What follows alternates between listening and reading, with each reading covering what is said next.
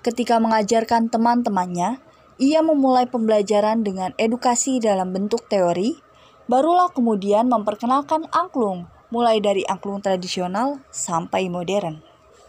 Kalau kalau tahapan dari gua sendiri sih bang, sebenarnya gua itu memulai itu dengan cara uh, mengedukasi dulu sih bang.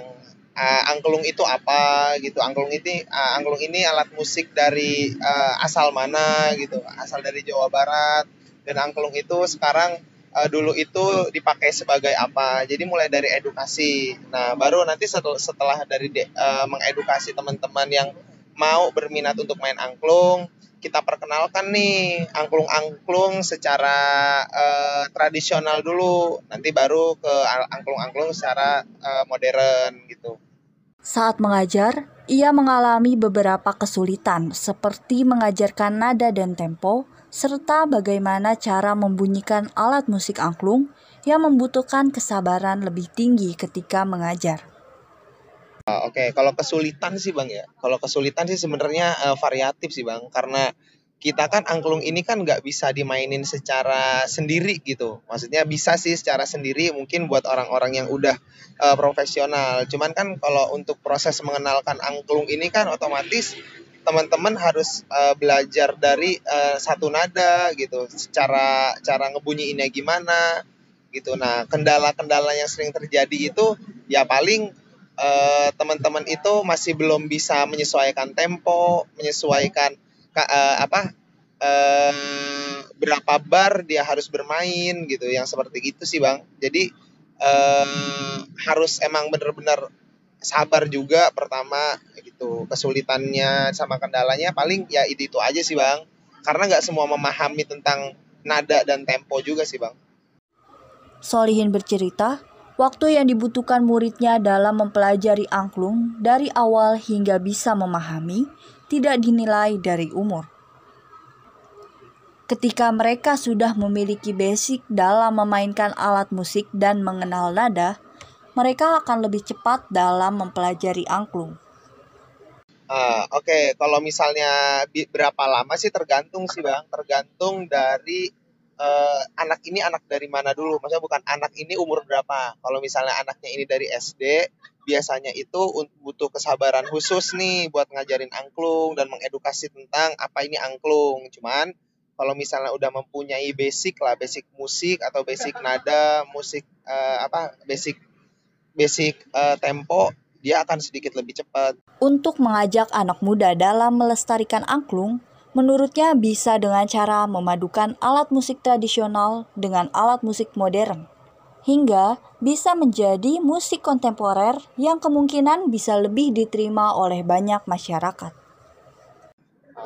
Sebenarnya uh, kalau misalnya cara ngajak sih macem-macem sih bang. Variatif lah kalau kata gue uh, dan banyak juga cara ngajak anak-anak muda. Cuman kalau menurut versi gue nih gitu kan ya cara ngajak anak-anak muda untuk meneruskan untuk uh, melestarikan alat musik itu dengan lebih banyak memadukan gitu memadukan alat-alat musik uh, tradisional dengan alat-alat musik modern sampai masuk ke ranah musik kontemporer jadi kayak misalnya kita sering lihat pemain-pemain angklung di jalan gitu. Sebenarnya kalau misalnya kita uh, lihat cara main angklung yang benar itu sebenarnya bukan bukan dengan dengan apa dengan nada yang seperti itu, tapi ada nada-nada kromatik gitu. Maksudnya nada-nada emang yang uh, khusus untuk Sunda ada beberapa not yang hilang gitu ya dengan dengan cara dengan ajakan ini gitu dengan cara mengkolaborasikan musik etnik dengan musik uh, modern uh, harapannya sih teman-teman terutama anak muda itu bisa tahu tentang angklung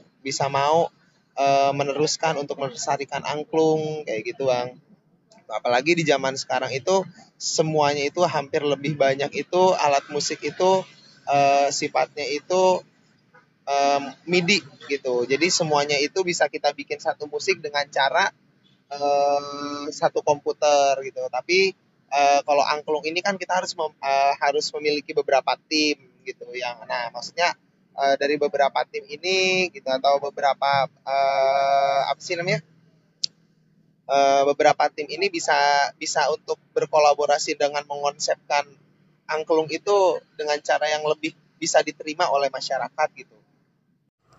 Solihin menjelaskan, saat ini anak muda lebih banyak yang ingin mengetahui alat musik tradisional tanpa mempelajari dan melestarikan alat musik tradisional. Nah, kalau minat sih Bang ya, kan kita bicaranya itu kan ada perbedaan antara, antara ada orang yang cuma pengen tahu sama yang uh, yang mau mempelajari.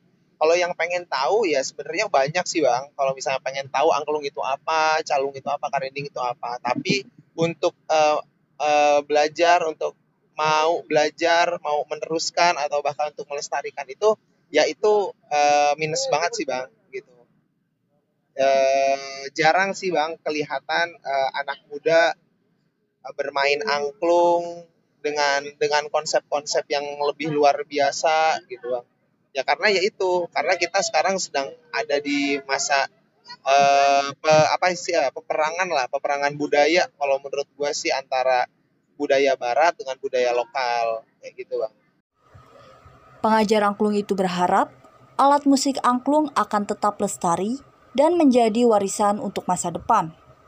Karena angklung merupakan salah satu identitas budaya Indonesia. Jadi kalau misalnya harapan sih pengennya tuh angklung tetap akan terus lestari dan bisa terus dimainkan dan tetap tetap menjadi warisan untuk anak cucu cicit-cicit kita di kemudian hari. Karena angklung ini salah satu uh, identitas identitas kita juga gitu bang. Identitas budaya kita di Indonesia terutama gitu. Karena di Indonesia ini banyak banget alat musik banyak banget budaya tapi sayangnya itu uh, pemuda-pemuda orang-orang yang ada di sekitarnya itu kurang menyukai budaya-budaya yang kita punya dan lebih mencintai atau lebih menyukai budaya-budaya yang da datangnya dari luar gitu. Harapannya itu teman-teman bisa bisa uh, tetap untuk nggak apa-apa tahu aja nggak apa-apa atau tetap minat untuk mendalami itu nggak apa-apa. Intinya jangan sampai uh, kata angklung ini sudah mulai asing di telinga kita semuanya gitu. Alat-alat musik etnik kayak gini gitu bang untuk memperkenalkan alat musik tradisional ini, apalagi di tengah peperangan budaya, membuat minat dari anak-anak muda terhadap angklung sangat minim. Namun, ada beberapa banyak pihak yang terus mencoba mempertahankan eksistensi angklung agar tidak tergerus oleh zaman dan juga dari alat musik canggih lainnya.